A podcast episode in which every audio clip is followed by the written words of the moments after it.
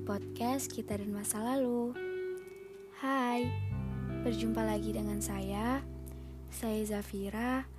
Di sini saya akan bercerita tentang patah hati yang mungkin sebagian dari kalian pernah merasakannya.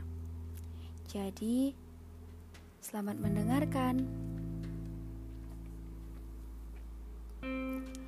Untuk kesekian kalinya, aku berjumpa denganmu lagi. Patah hati.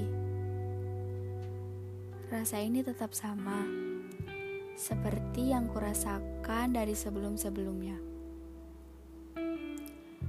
Hmm, sebenarnya, patah hati itu tergantung kita menyikapinya bagaimana. Ada yang baik-baik saja setelah patah hati, bahkan dia senang dan merasa bebas karena telah keluar dari hubungan yang toksik, atau lebih sering disebut dengan toxic relationship.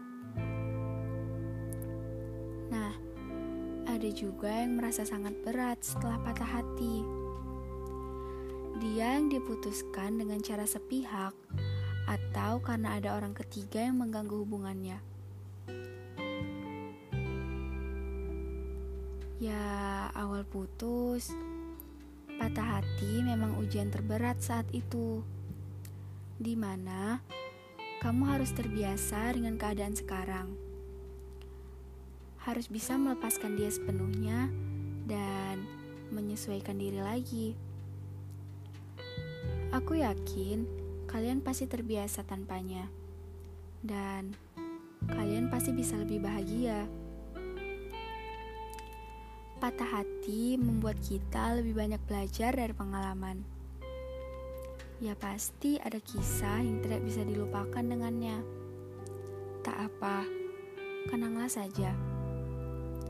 Dari patah hati, kita bisa belajar bahwa fase tersulit bukanlah melupakan, tetapi mengikhlaskan.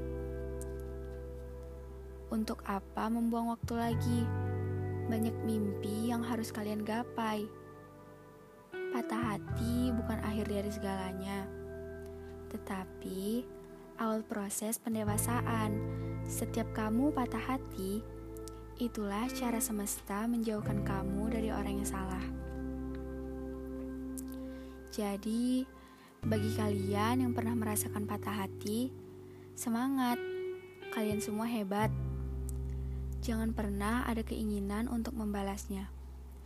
Doakan saja yang terbaik untuknya. Saya yakin semesta memiliki rahasia tersendiri yang pastinya tidak akan kamu duga. Sekian dari saya untuk hari ini. Jangan lupa bahagia, karena kamu berhak untuk bahagia. Terima kasih.